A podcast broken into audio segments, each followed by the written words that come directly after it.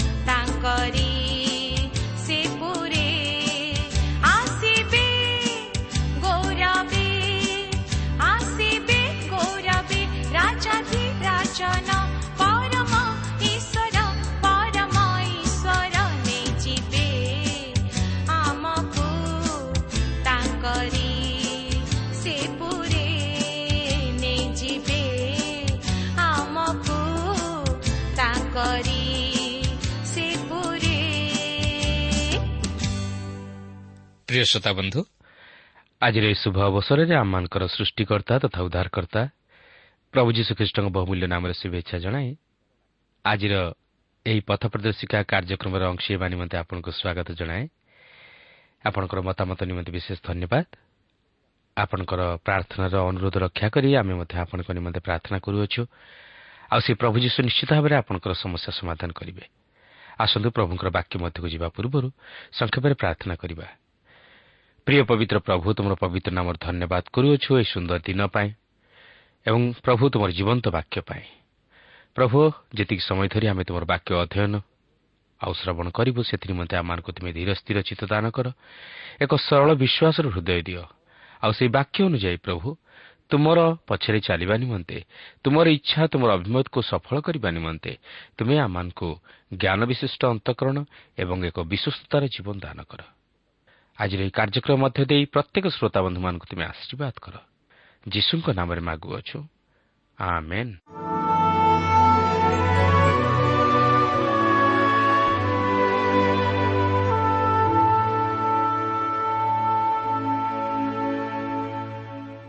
ଆସନ୍ତୁ ବର୍ତ୍ତମାନ ଆମେ ପ୍ରଭୁଙ୍କର ବାକ୍ୟ ମଧ୍ୟକୁ ଯିବା। ଆଜି ଆମେ ଦ୍ୱିତୀୟ ସମୟଲ ପୁସ୍ତକର ଏଗାର ପର୍ବର ଚଉଦ ପଦରୁ ଆରମ୍ଭ କରି ବାର ପର୍ବର ଏକତିରିଶ ପଦ ପର୍ଯ୍ୟନ୍ତ ଅଧ୍ୟୟନ କରିବା ନିମନ୍ତେ ଯିବା। ତେବେ ଗତ ପାଠରେ ଆମେ ଦେଖିଥିଲୁ ଦାଉଦ ବତ୍ସବା ସହିତ ବ୍ୟଭିଚାର ଜନିତ ପାପରେ ପତିତ ହେଲେ। ଆଉ ସେ ଯେପରି ସେହି ଅପରାଧରେ ଧରା ନ ପଡ଼ନ୍ତି ସେଥିପାଇଁ ସେ ଉରିୟକୁ ବତ୍ସବା ସହିତ ଶୟନ କରିବା ନିମନ୍ତେ ଯୋଜନା ପ୍ରସ୍ତୁତ କଲେ। କିନ୍ତୁ ସେ ଯୋଜନା ବିଫଳ ହେଲା। ଏହାପରେ ଦାଉଦ ଉରିୟକୁ ବଧ କରିବା ନିମନ୍ତେ ଯୋଜନା ପ୍ରସ୍ତୁତ କଲେ। ଆସନ୍ତୁ ତାହେଲେ ସେହି ସମସ୍ତ ବିଷୟ ବର୍ତ୍ତମାନ ଆମେ ଅଧ୍ୟୟନ କରିବା ନିମନ୍ତେ ଯିବା। ତେବେ ଦେଖନ୍ତୁ ଦ୍ୱିତୀୟ ସାମୁଏଲ ଏଗାର ପର୍ବର ଚଉଦରୁ ସତର ପଦ ମଧ୍ୟରେ ଏହିପରି ଲେଖା ଅଛି ଏଣୁ ଦାଉଦ ସକାଳେ ଜୟାବ ନିକଟକୁ ପତ୍ର ଲେଖି ଉରିୟ ହାତରେ ତାହା ପଠାଇଲେ। ପତ୍ରରେ ସେ ଏହା ଲେଖିଥିଲେ ଯଥା ଯେପରି ଉରିୟ ଆହତ ହୋଇ ମରିବ ଏଥିପାଇଁ ତୁମେମାନେ ଘୋର ଯୁଦ୍ଧ ସମ୍ମୁଖରେ ତାହାକୁ ନିଯୁକ୍ତ କରି ତାହା ନିକଟରୁ ଘୁଞ୍ଚିଯିବ। ପୁଣି ଜୟାବ ନଗର ନିରୀକ୍ଷଣ କରିବା ବେଳେ ବିକ୍ରମଶାଳୀ ଲୋକମାନେ କେଉଁଠାରେ ଅଛନ୍ତି ଏହା ଜାଣି ସେ ଉରିୟକୁ ସେଠାରେ ନିଯୁକ୍ତ କଲା। ଏଉତାରେ ନଗରର ଲୋକମାନେ ବାହାରେ ଯାଇ ଜୟାବ ସଙ୍ଗେ ଯୁଦ୍ଧ କଲେ। ତହିଁରେ ଦାଉଦଙ୍କର ଦାସମାନଙ୍କ ମଧ୍ୟରୁ କେତେ ଲୋକ ପତିତ ହେଲେ ଓ ହିତୀୟ ଉରିୟ ମଧ୍ୟ ମଲା। ମୋର ବିଚାରରେ ଦାଉଦଙ୍କର ଏହା ସବୁଠାରୁ ଜଘନ୍ୟ ପାପ ଥିଲା। କାରଣ ଏହି ଉରିୟ ବତ୍ସେବାର ସ୍ୱାମୀ ଥିଲା। ଆଉ ଦାଉଦ ଜାଣି ଜାଣି ଉରିୟକୁ ବଧ କରାଇଲେ। ଏହା ଅତି ଭୟଙ୍କର ପାପ। ଦାଉଦ ମଧ୍ୟ ଏଥି ନିମନ୍ତେ ଈଶ୍ୱରଙ୍କ ଦ୍ୱାରା ବିଚାରିତ ହେବାକୁ ଯାଉଅଛନ୍ତି। ଈଶ୍ୱର ଦାଉଦଙ୍କର ସେହି ପାପକୁ ଲୋକମାନଙ୍କର ଦୃଷ୍ଟିଗୋଚରକୁ ଆଣିଲେ ଓ ଦାଉଦ ଏଥି ନିମନ୍ତେ ବିଚାରିତ ହେଲେ।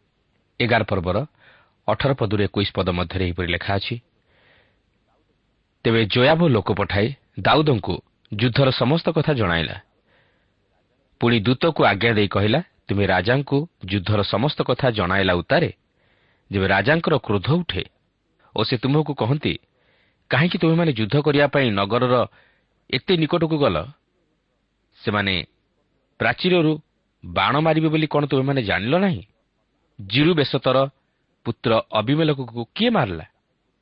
ଜଣେ ସ୍ତ୍ରୀ ପ୍ରାଚୀରରୁ ତାହା ଉପରକୁ ଚକି ଉପରପଟ ପକାନ୍ତେ ସେ କ'ଣ ତେବେଶରେ ମଲା ନାହିଁ?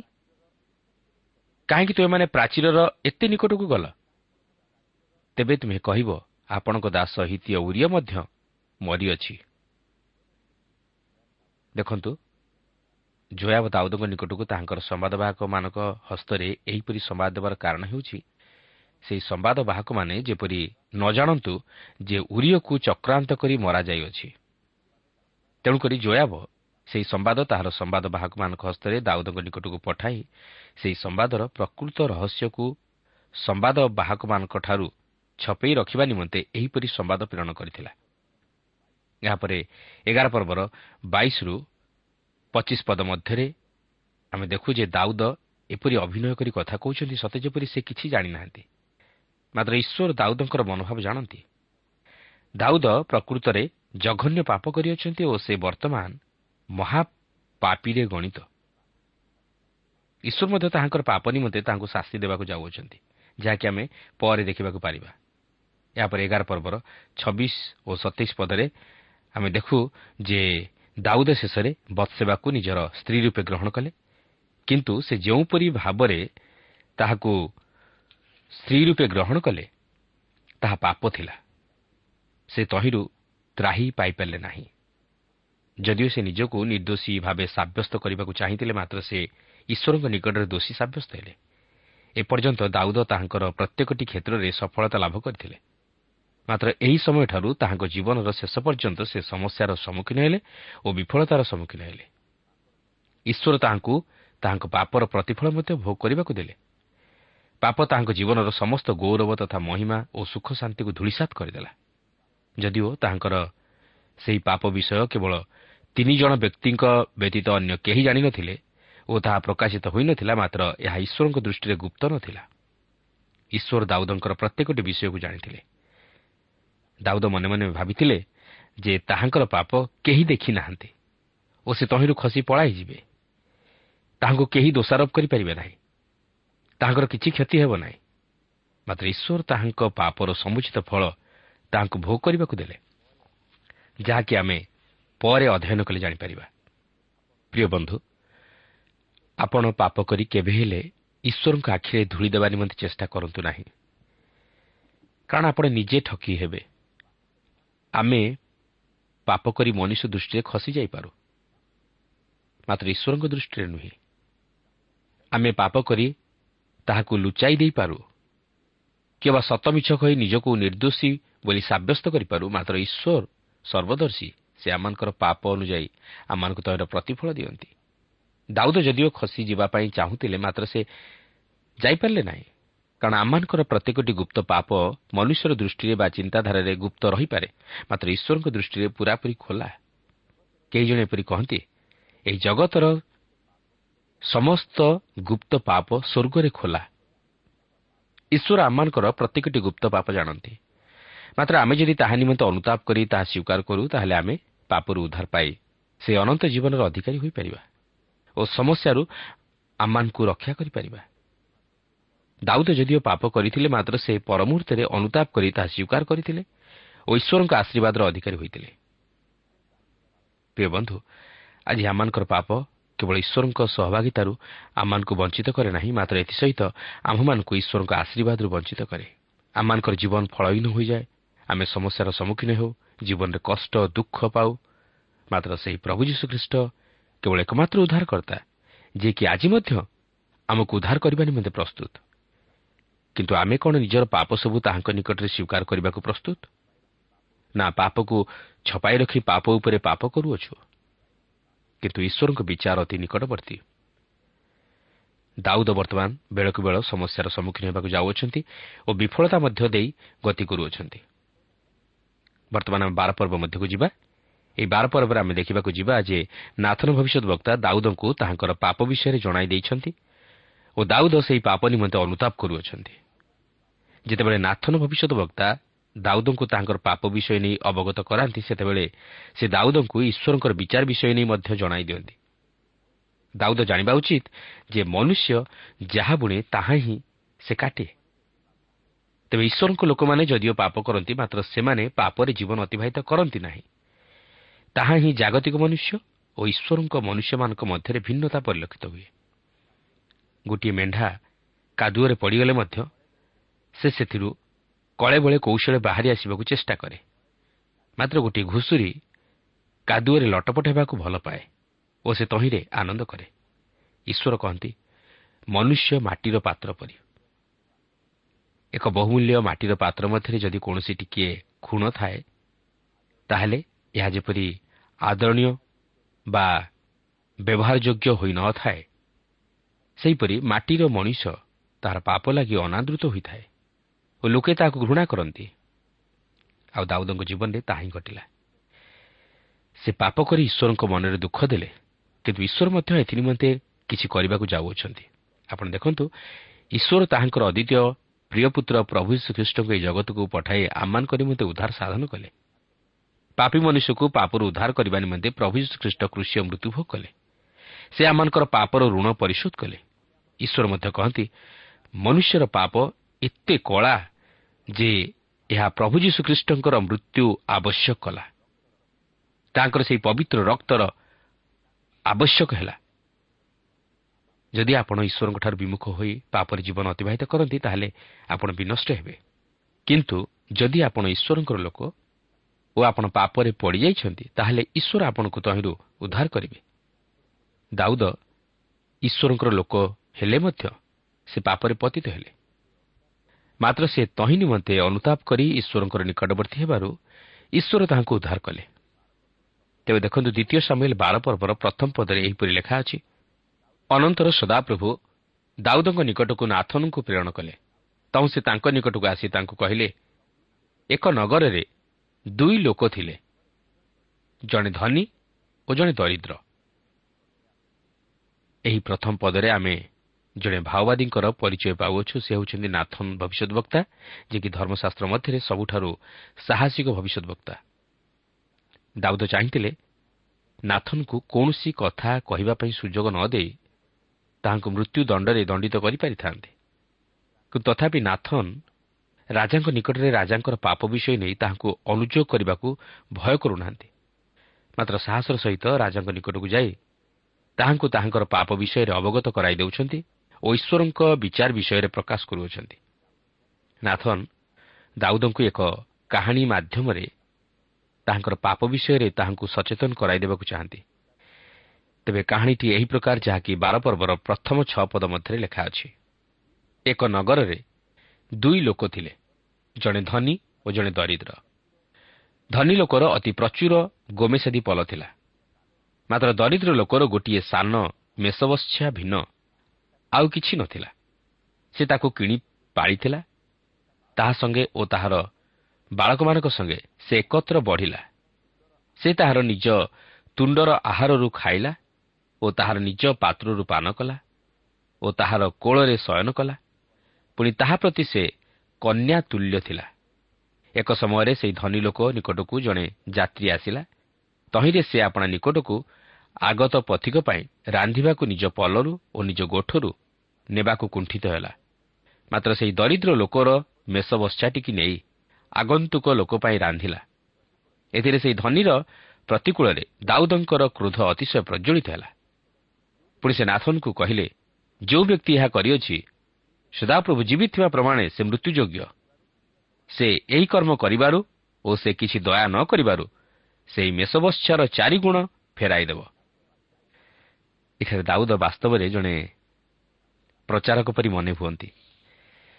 ଯିଏକି ନିଜର ପ୍ରଚାର ଦ୍ୱାରା ଅନ୍ୟମାନଙ୍କୁ ଶିକ୍ଷା ଦେବାକୁ ଚାହେଁ ମାତ୍ର ନିଜେ ତହିଁର ବିପରୀତ କାର୍ଯ୍ୟ କରେ। ଦାଉଦ ଏଠାରେ ସେହି କାହାଣୀଟି ଶୁଣିବା ପରେ ନିଜ ଜୀବନକୁ ଦେଖୁନାହାନ୍ତି। ମାତ୍ର ଅନ୍ୟର ଜୀବନକୁ ଦେଖୁଛନ୍ତି। ସେ ଅନ୍ୟକୁ ଅଙ୍ଗୁଳି ଦେଖାଉଛନ୍ତି। ମାତ୍ର ସେ ନିଜେ ଯେ ସେହି ଅପରାଧୀ ତାହା ଜାଣିବାକୁ ଚେଷ୍ଟା କରୁନାହାନ୍ତି। ଅନେକ ସମୟରେ ଆମ ଜୀବନରେ ସେହି ଦୁର୍ବଳତା ଦେଖାଯାଏ। ଆମେ ଅନ୍ୟର ଦୋଷ ତ୍ରୁଟିକୁ ଦେଖି ତାହା ପ୍ରତି ଅଙ୍ଗୁଳି ଦେଖାଉ। ମାତ୍ର ନିଜର ପାପ ବିଷୟରେ ସଚେତନ ହୋଇନଥାଉ। ଦେଖନ୍ତୁ ନାଥନ ବର୍ତ୍ତମାନ ଦାଉଦଙ୍କୁ ତହିଁର କି ପ୍ରତ୍ୟୁତ୍ତର ଦେଉଛନ୍ତି? ସେହି ବାର ପର୍ବର ସାତ ପଦରୁ ନଅ ପଦ ମଧ୍ୟରେ ଆମେ ଦେଖୁ ଲେଖା ଅଛି ଏଥିରେ ନାଥନ ଦାଉଦଙ୍କୁ କହିଲେ ସେହି ବ୍ୟକ୍ତି ତ ତୁମ୍ଭେ? ସଦାପ୍ରଭୁ ଇସ୍ରାଏଲ୍ର ପରମେଶ୍ୱର ଏହି କଥା କହନ୍ତି। ଆମେ ତୁମକୁ ଇସ୍ରାଏଲ୍ ଉପରେ ରାଜାଭିଷିକ୍ତ କଲୁ। ଆମେ ତୁମକୁ ସାଉଲ ହସ୍ତରୁ ରକ୍ଷା କଲୁ। ପୁଣି ଆମ୍ଭେ ତୁମକୁ ତୁମ୍ଭ ପ୍ରଭୁର ଗୃହ ଓ ତୁମ୍ଭ କୋଳରେ ତୁମ୍ଭ ପ୍ରଭୁର ଭାର୍ଯ୍ୟାମାନଙ୍କୁ ଦେଲୁ। ମଧ୍ୟ ଇସ୍ରାଏଲ୍ ଓ ଜିଉଦା ବଂଶ ତୁମକୁ ଦେଲୁ। ଆଉ ଯେବେ ଏହା ଅଳ୍ପ ହୋଇଥାନ୍ତା ତେବେ ଆମ୍ଭେ ତୁମ୍ଭକୁ ଆହୁରି ଅନ୍ୟାନ୍ୟ ବିଷୟ ଦେଇଥାନ୍ତୁ। ସଦାପ୍ରଭୁଙ୍କ ଦୃଷ୍ଟିରେ ଯାହା ମନ୍ଦ ତାହା କରିବା ପାଇଁ ତୁମେ କାହିଁକି ତାହାଙ୍କ ବାକ୍ୟ ତୁଚ୍ଛ କଲ? ତୁମେ ଖଡ଼ଗ ଦ୍ୱାରା ହିତୀୟ ଉରିୟକୁ ମାରିଅଛ ଓ ତାର ଭାର୍ଯ୍ୟାକୁ ତୁମ୍ଭର ଭାର୍ଯ୍ୟା ହେବା ପାଇଁ ନେଇଅଛ। ପୁଣି ଅମନ ସନ୍ତାନ ଗଣର ଖଡ଼ଗ ଦ୍ୱାରା ଉରିୟକୁ ବଦ୍ଧ କରିଅଛ। ଦେଖନ୍ତୁ ସଦାପ୍ରଭୁ ନାଥନକୁ ଯାହା ଯାହା କହିଥିଲେ ନାଥନ ସେହି ସମସ୍ତ ବିଷୟ ଦାଉଦଙ୍କୁ ଜଣାଇ ଦେଇଥିଲେ। ସେ ସେହିସବୁ ବିଷୟ ଦାଉଦଙ୍କୁ ଜଣାଇବା ନିମନ୍ତେ ଭୟ କରିନଥିଲେ। ଦେଖନ୍ତୁ ସେ କହନ୍ତି ସେହି ବ୍ୟକ୍ତି ତ ତୁମ୍ଭେ?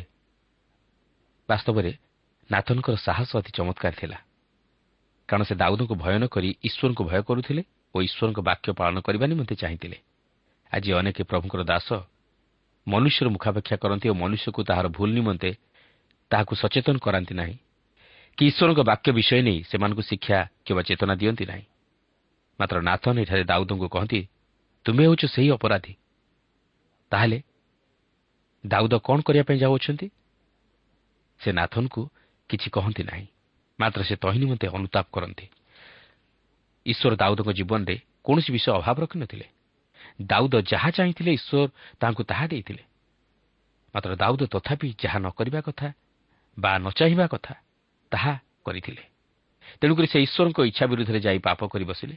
ଈଶ୍ୱର ତାହା ପାପ ବୋଲି ବିଚାର କଲେ ଓ ତହି ନିମନ୍ତେ ଦାଉଦଙ୍କୁ ଶାସ୍ତି ମଧ୍ୟ ଦେଲେ। ପ୍ରିୟ ବନ୍ଧୁ ଈଶ୍ୱର ଆପଣଙ୍କୁ ଯାହା ଦେଇଛନ୍ତି ଓ ଯେଉଁପରି ଅବସ୍ଥାରେ ରଖିଛନ୍ତି ତହିଁରେ ସନ୍ତୁଷ୍ଟ ହୁଅନ୍ତୁ। କିନ୍ତୁ ଯାହା କରିବା କଥା ନୁହଁ ତାହା କରି ଈଶ୍ୱରଙ୍କ ଇଚ୍ଛା ବିରୁଦ୍ଧରେ ଯାଇ ପାପରେ ଜୀବନ ଅତିବାହିତ ନ କରନ୍ତୁ। ଫଳରେ ଆପଣ ଅଧିକରୁ ଅଧିକ ସମସ୍ୟାର ସମ୍ମୁଖୀନ ହେବେ ଓ ପାପ କରି ଈଶ୍ୱରଙ୍କଠାରୁ ଦୂରବର୍ତ୍ତୀ ଜୀବନଯାପନ କରି ଈଶ୍ୱରଙ୍କ ଆଶୀର୍ବାଦରୁ ବଞ୍ଚିତ ହେବେ। ବିଶେଷରେ ସମୟର ସଦ୍ବ୍ୟବହାର କରନ୍ତୁ। ମାତ୍ର ବୃଥା ଆଳସ୍ୟରେ ସମୟ ଅତିବାହିତ କରି ଶୈତାନଙ୍କୁ ନିଜର ହୃଦୟରେ କାର୍ଯ୍ୟ କରିବାକୁ ସୁଯୋଗ ଦିଅନ୍ତୁ ନାହିଁ। ଦେଖନ୍ତୁ ଦାଉଦଙ୍କର ପାପ ନିମନ୍ତେ ଈଶ୍ୱର କିପରି ତାହାଙ୍କର ବିଚାର କରୁଅଛନ୍ତି। ବାର ପର୍ବର ଦଶ ପଦରୁ ବାର ପଦ ମଧ୍ୟରେ ଆମେ ଦେଖୁ ଲେଖା ଅଛି ଏହେତୁ ତୁମ୍ଭ ଗୃହରୁ ଖଡ଼ଗ କେବେ ଯିବ ନାହିଁ କାରଣ ତୁମ୍ଭେ ଆମକୁ ତୁଚ୍ଛ କରି ତୁମର ଭାର୍ଯ୍ୟା ହେବା ପାଇଁ ହିତୀୟ ଉରିୟର ଭାର୍ଯ୍ୟାକୁ ନେଇଅଛ। ସଦାପ୍ରଭୁ ଏହି କଥା କହନ୍ତି ଦେଖ ଆମେ ତୁମ୍ଭ ନିଜ ବଂଶରୁ ତୁମ୍ଭ ବିରୁଦ୍ଧରେ ଅମଙ୍ଗଳ ଉତ୍ପନ୍ନ କରିବା ଓ ଆମ୍ଭେ ତୁମ୍ଭ ଭାର୍ଯ୍ୟାମାନଙ୍କୁ ତୁମ୍ଭ ସମ୍ମୁଖରେ ନେଇ ତୁମ୍ଭ ଆତ୍ମୀୟକୁ ଦେବା। ତହିଁରେ ସେ ଏହି ସୂର୍ଯ୍ୟ ସମ୍ମୁଖରେ ତୁମ୍ଭ ଭାର୍ଯ୍ୟାଗଣ ସହିତ ଶୟନ କରିବ। ତୁମ୍ଭେ ଏହା ଗୋପନରେ କଲ ମାତ୍ର ଆମ୍ଭେ ଏହି କର୍ମ ସମୁଦାୟ ଇସ୍ରାଏଲ୍ ଆଗରେ ଓ ସୂର୍ଯ୍ୟ ସମ୍ମୁଖରେ କରିବା। ବାସ୍ତବରେ ଏହା ଅତି ଭୟଙ୍କର ବିଚାର ଥିଲା। ଦାଉଦ ଯେପରି କଲେ ତାହାଙ୍କ ପ୍ରତି ମଧ୍ୟ ଠିକ୍ ସେହିପରି ତହିଁର ପ୍ରତିଫଳ ବର୍ତ୍ତିଲା। ତାଙ୍କର ନିଜ ଲୋକମାନେ ତାଙ୍କ ବିରୁଦ୍ଧରେ ଖଡ଼ଗ ଉଠାଇଲେ ଅମଙ୍ଗଳ ଘଟାଇଲେ। ତାଙ୍କର ଭାର୍ଯ୍ୟାମାନେ ମଧ୍ୟ ନିଜର ଆତ୍ମୀୟମାନଙ୍କ ସହ ବ୍ୟଭିଚାର କଲେ। ସେମାନେ ଦାଉଦଙ୍କର ଭାର୍ଯ୍ୟାଗଣ ସହିତ ପ୍ରକାଶ୍ୟରେ ଶୟନ କଲେ। ଦାଉଦ ଯଦିଓ ଗୋପନରେ କରିଥିଲେ ମାତ୍ର ଈଶ୍ୱର ତାହା ତାହାଙ୍କ ପ୍ରତି ସମସ୍ତଙ୍କ ସାକ୍ଷାତରେ ଘଟାଇଲେ। ଏହାଠାରୁ ଭଳି ଘୋର ଅପମାନ ତଥା ଦୁଃଖର ବିଷୟ ଆଉ କ'ଣ ଥାଇପାରେ? ଦାଉଦଙ୍କର ନିଜର ପରିବାର ମଧ୍ୟରେ ଏହି ସମସ୍ତ ବିଷୟ ଘଟିଲା ଯାହାକି ଆମେ ପରବର୍ତ୍ତୀ ଅଂଶରେ ଅଧ୍ୟୟନ କରି ଜାଣିପାରିବା। ଦାଉଦ ଯଦିଓ ନିଜର ପାପ ନିମନ୍ତେ ଅନୁତାପ କରିଥିଲେ ମାତ୍ର ତହିଁର ପ୍ରତିଫଳ ତାହାଙ୍କୁ ଭୋଗିବାକୁ ପଡ଼ିଲା। ଈଶ୍ୱର ଯଦିଓ ପାପିକୁ ତାହାର ପାପରୁ ଉଦ୍ଧାର କରିଥାନ୍ତି ମାତ୍ର ପାପି ତାହାର ପାପର ପ୍ରତିଫଳ ନିଶ୍ଚିତ ଭାବେ ଭୋଗ କରେ। ତେବେ ଦେଖନ୍ତୁ ଏହା ଶୁଣିବା ପରେ ଦାଉଦଙ୍କ ମନର ପ୍ରତିକ୍ରିୟା।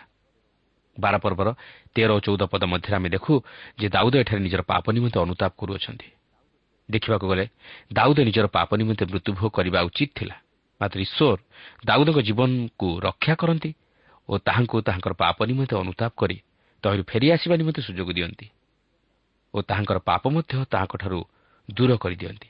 ମାତ୍ର ଦାଉଦ ତାହାଙ୍କର ଅପକର୍ମ ଦ୍ୱାରା ସଦାପ୍ରଭୁଙ୍କର ଶତ୍ରୁମାନଙ୍କୁ ନିନ୍ଦା କରିବା ନିମନ୍ତେ ସୁଯୋଗ ଦେଇଥିବାରୁ ଦାଉଦ ମଧ୍ୟ ତହିଁର ପ୍ରତିଫଳ ଭୋଗ କଲେ। ବତ୍ସେବା ଠାରୁ ଜାତ ତାହାଙ୍କର ସନ୍ତାନ ମୃତ୍ୟୁବରଣ କଲା। ଏହାପରେ ପନ୍ଦରରୁ ଅଠର ପଦ ମଧ୍ୟରେ ଦାଉଦ ଈଶ୍ୱରଙ୍କ ନିକଟରେ ସେହି ପୁତ୍ର ନିମନ୍ତେ ନିବେଦନ କଲେ ଯେପରି ସେ ବଞ୍ଚି ରହିବାକୁ ପାରେ। ମାତ୍ର ଶେଷରେ ଶୁଣିବାକୁ ପାରିଲେ ଯେ ପୁତ୍ରଟି ମରିଗଲା। ଈଶ୍ୱରଙ୍କ ବାକ୍ୟ କେବେ ହେଲେ ଅନ୍ୟଥା ହୁଏ ନାହିଁ। ଦାଉଦ ଏହା ଶୁଣିବା ପରେ ତାହାଙ୍କ ମନର ପ୍ରତିକ୍ରିୟା ଯାହାକି ଆମେ ବାର ପର୍ବର ଉଣେଇଶ ପଦରୁ ପଚିଶ ପଦ ମଧ୍ୟରେ ଲକ୍ଷ୍ୟ କରିବାକୁ ପାରୁ। ଦାଉଦଙ୍କର ଦାସମାନେ ଦାଉଦଙ୍କର ଏ ପ୍ରକାର କାର୍ଯ୍ୟକଳାପ ଦେଖି ଆଶ୍ଚର୍ଯ୍ୟ ହୋଇଯାଇଛନ୍ତି। କାରଣ ସେମାନେ ବୋଧହୁଏ ମନେ ମନେ ଭାବୁଥିଲେ ଦାଉଦ ଶୋକାଭିଭୂତ ହୋଇ ବିଳାପ କରିବେ ଓ ଆପଣାର ଅନିଷ୍ଟ କରିବେ ମାତ୍ର ସେମାନେ ଦାଉଦଙ୍କ ଜୀବନରେ ସମ୍ପୂର୍ଣ୍ଣ ଏକ ଭିନ୍ନ ବିଷୟ ଲକ୍ଷ୍ୟ କରୁଅଛନ୍ତି। କାରଣ ତାହାଙ୍କର ପୁତ୍ର ମରିବା ପୂର୍ବରୁ ସେ ଉପବାସ କରୁଥିଲେ ଓ ଅଖା ପିନ୍ଧି ଭସ୍ମରେ ବସୁଥିଲେ। କିନ୍ତୁ ପୁତ୍ରର ମୃତ୍ୟୁ ଖବର ପାଇବା ପରେ ସେ ଉଠି ସ୍ନାନ ଓ ମର୍ଦ୍ଦନ ଓ ବସ୍ତ୍ର ପରିବର୍ତ୍ତନ କରି ସଦାପ୍ରଭୁଙ୍କ ଗୃହକୁ ଯାଇ ପ୍ରଣାମ କଲେ ଓ ଆପଣା ଗୃହକୁ ଆସି ଭୋଜନ କଲେ। ବାସ୍ତବରେ ଏହା କ'ଣ ଆଶ୍ଚର୍ଯ୍ୟର ବିଷୟ ନୁହେଁ କି? ମାତ୍ର ସେ ଈଶ୍ୱରଙ୍କ ଇଚ୍ଛାକୁ ମାନିନେଲେ। ଆଉ ତାହାଙ୍କର ଦାସମାନେ ତାହାଙ୍କୁ ଏହିପରି କାହିଁକି କଲେ ବୋଲି ପ୍ରଶ୍ନ କରିବାରୁ ସେ ଏହିପରି ଉତ୍ତର ଦିଅନ୍ତି ଏବେ ସେ ତ ମଲା ମୁଁ କାହିଁକି ଉପବାସ କରିବି? ମୁଁ କି ତାକୁ ଫେରାଇ ଆଣିପାରିବି? ମୁଁ ତାହା ନିକଟକୁ ଯିବି ମାତ୍ର ସେ ମୋ ନିକଟକୁ ଫେରିଆସିବ ନାହିଁ। କାରଣ ଦାଉଦ ଜାଣିଥିଲେ ଯେ ସେହି ସାନ ଶିଶୁ ଉଦ୍ଧାର ପାଇଅଛି। ଆଉ ସେ ଜାଣିଥିଲେ ଯେ ଯେତେବେଳେ ସେ ମୃତ୍ୟୁବରଣ କରିବେ ସେ ନିଶ୍ଚିତ ଭାବେ ତାହାଙ୍କ ପୁତ୍ରଙ୍କ ସହିତ ମିଳିତ ହେବେ। ପବିତ୍ର ଧର୍ମଶାସ୍ତ୍ର ଅନୁଯାୟୀ ଜଣେ ଶିଶୁ ତାହାର ବାଲ୍ୟାବସ୍ଥାରେ ଯଦି ମୃତ୍ୟୁଭୋଗ କରେ ତାହେଲେ ସେ ପ୍ରଭୁଙ୍କ ନିକଟକୁ ଯାଏ କିନ୍ତୁ ଆମେ ଜାଣି ରଖୁ ଯେ ଆମମାନେ ପାପ କରି ଈଶ୍ୱରଙ୍କ ବିରୁଦ୍ଧଚାରୀ ହେଲେ ଆମର ପୁତ୍ରକନ୍ୟାମାନଙ୍କ ପ୍ରତି ମଧ୍ୟ ତହିଁର ପ୍ରତିଫଳ ବର୍ତ୍ତେ। ତାପରେ ବାର ପର୍ବର ଚବିଶ ଓ ପଚିଶ ପଦରେ ଆମେ ଦେଖୁ ଯେ ଦାଉଦଙ୍କ ଭାର୍ଯ୍ୟା ବତ୍ସେବାଠାରୁ ସଲମନ ନାମକ ଏକ ପୁତ୍ର ଜାତ ହେଲେ ଓ ଏହି ନାମର ଅର୍ଥ ସଦାପ୍ରଭୁଙ୍କ ପ୍ରିୟ। ଯେହେତୁ ସଦାପ୍ରଭୁ ତାହାକୁ ପ୍ରେମ କଲେ ଏହି ନାମ ସଦାପ୍ରଭୁ ନାଥନଙ୍କ ଦ୍ୱାରା ସଲମନଙ୍କୁ ପ୍ରଦାନ କରିଥିଲେ। ଏହାପରେ ବାର ପର୍ବର ଛବିଶରୁ ଏକତିରିଶ ପଦରେ ଆମେ ଦେଖୁ ଯେ ଦାଉଦ ଓ ଜୟାବ ରବ୍ବାନଗର ପ୍ରତିକୂଳରେ ଯୁଦ୍ଧ କରି ତାହା ହସ୍ତଗତ କଲେ। ଆପଣ ଦେଖନ୍ତୁ ଦାଉଦ ବର୍ତ୍ତମାନ ଯୁଦ୍ଧ କ୍ଷେତ୍ରକୁ ଯାଇ ଯୁଦ୍ଧ କରୁଅଛନ୍ତି ଯାହାକି ସେ ପୂର୍ବରୁ ତାହା କରିବାକୁ ଥିଲା। ତେବେ ସେ ଯାଉନା କାହିଁକି ଦାଉଦ ସେହି ଅମନ ସନ୍ତାନମାନଙ୍କୁ ପରାସ୍ତ କରି ସେମାନଙ୍କ ନଗର ସବୁ ହସ୍ତଗତ କଲେ ଓ ତାଙ୍କର ରାଜ୍ୟ ବିସ୍ତାରିତ ହେବାକୁ ଲାଗିଲା। ଓ ଦାଉଦ ଜଣେ ମହାନ ରାଜା ରୂପେ ପରିଗଣିତ ହେଲେ। କିନ୍ତୁ ତାହାଙ୍କ ପାପ ବିଷୟରେ କ'ଣ କୁହାଯାଇପାରେ? ସେ କ'ଣ ତହିଁରୁ ଛାଡ଼ ପାଇଗଲେ? ନୁହେଁ। ପରବର୍ତ୍ତୀ ଅଧ୍ୟାୟରେ ଆମେ ଦେଖିବାକୁ ଯିବା ଯେ ତାହାଙ୍କର ଏକ ପୁତ୍ର ଥିଲା ଯିଏକି ଅତି ଜଘନ୍ୟ ଅପରାଧ କଲା। ସେ ତାହାର ଅର୍ଦ୍ଧ ଭଉଣୀ ସହିତ ବ୍ୟଭିଚାର କଲା। ଯେଉଁ ଭଉଣୀର ନିଜ ଭାଇ ଅବସଲମ ଥିଲା ସେ ତାହାର ସେହି ଭଉଣୀକୁ ବଧ କଲା କାରଣ ଏହା ଇସ୍ରାଏଲ୍ ମଧ୍ୟରେ ଏକ ଘୋର ଅପମାନଜନକ କାର୍ଯ୍ୟ ଥିଲା। ଓ ଏହି ଘଟଣା ସମଗ୍ର ଇସ୍ରାଏଲ୍ ମଧ୍ୟରେ ଚହଳ ପକାଇଦେଲା। ଲୋକମାନେ ବୋଧହୁଏ ଏହିପରି ଦାଉଦଙ୍କୁ କହିଥିବେ ହେଇ ଦେଖ ଦାଉଦ ଆମମାନଙ୍କ ଉପରେ ରାଜତ୍ୱ କରୁଅଛନ୍ତି ମାତ୍ର ସେ ନିଜର ପରିବାରକୁ ଶାସନ କରିବା ନିମନ୍ତେ ଅଯୋଗ୍ୟ। ବାସ୍ତବରେ ଦାଉଦଙ୍କ ପ୍ରତି ଏହା ଏକ ଘୋର ଅପମାନଜନକ ବିଷୟ ଥିଲା କିନ୍ତୁ ଦାଉଦ ଏଥିନିମନ୍ତେ ଈଶ୍ୱରଙ୍କୁ ଦୋଷାରୋପ କରୁନାହାନ୍ତି। ମାତ୍ର ସେ ଈଶ୍ୱରଙ୍କ ନିକଟକୁ ଯାଇ ତାହାଙ୍କ ନିକଟରେ ଅନୁତାପର ସହିତ କ୍ରନ୍ଦନ କରୁଅଛନ୍ତି। ଯାହାକି ଆମେ ଗୀତ ସଙ୍ଗୀତ ଏକାବନ ପର୍ବର ପ୍ରଥମ ଦୁଇ ପଦରେ ଓ ବାର ପଦରେ ଲକ୍ଷ୍ୟ କରିବାକୁ ପାରୁ। ହେ ପରମେଶ୍ୱର ଆପଣ ସ୍ନେହପୂର୍ଣ୍ଣ କରୁଣାନୁସାରେ ମୋ ପ୍ରତି ଦୟା କର। ତୁମ କୃପାର ବାହୁଲ୍ୟ ଅନୁସାରେ ମୋର ଅଧର୍ମ ମାର୍ଜନା କର। ମୋ ଅପରାଧରୁ ମୋତେ ସମ୍ପୂର୍ଣ୍ଣ ପ୍ରକ୍ଷାଳନ କର ଓ ମୋ ପାପରୁ ମୋତେ ସୂଚୀ କର। ତୁମ ପରିତାଣର ଆନନ୍ଦ ପୁନର୍ବାର ମୋତେ ଦିଅ ଓ ସ୍ୱଚ୍ଛନ୍ଦ ଆତ୍ମା ଦେଇ ମୋତେ ଧରି ରଖ। ଆଜି କ'ଣ ଆମେ ଆମର ପାପ ନିମନ୍ତେ ପ୍ରଭୁଙ୍କ ନିକଟରେ ଏହି ପ୍ରାର୍ଥନା କରିବା ପ୍ରଭୁ? ମୋତେ ତୁମେ ରକ୍ଷା କର ମୋତେ ଉଦ୍ଧାର କର। ତାହେଲେ ପ୍ରଭୁ ସୁନିଶ୍ଚିତ ଭାବରେ ଉଦ୍ଧାର କରି ଆମମାନଙ୍କୁ ସେ ଅନନ୍ତ ଜୀବନର ଅଧିକାରୀ କରାଇବେ। ପ୍ରଭୁ ପ୍ରତ୍ୟେକଙ୍କୁ ଆଶୀର୍ବାଦ କରନ୍ତୁ।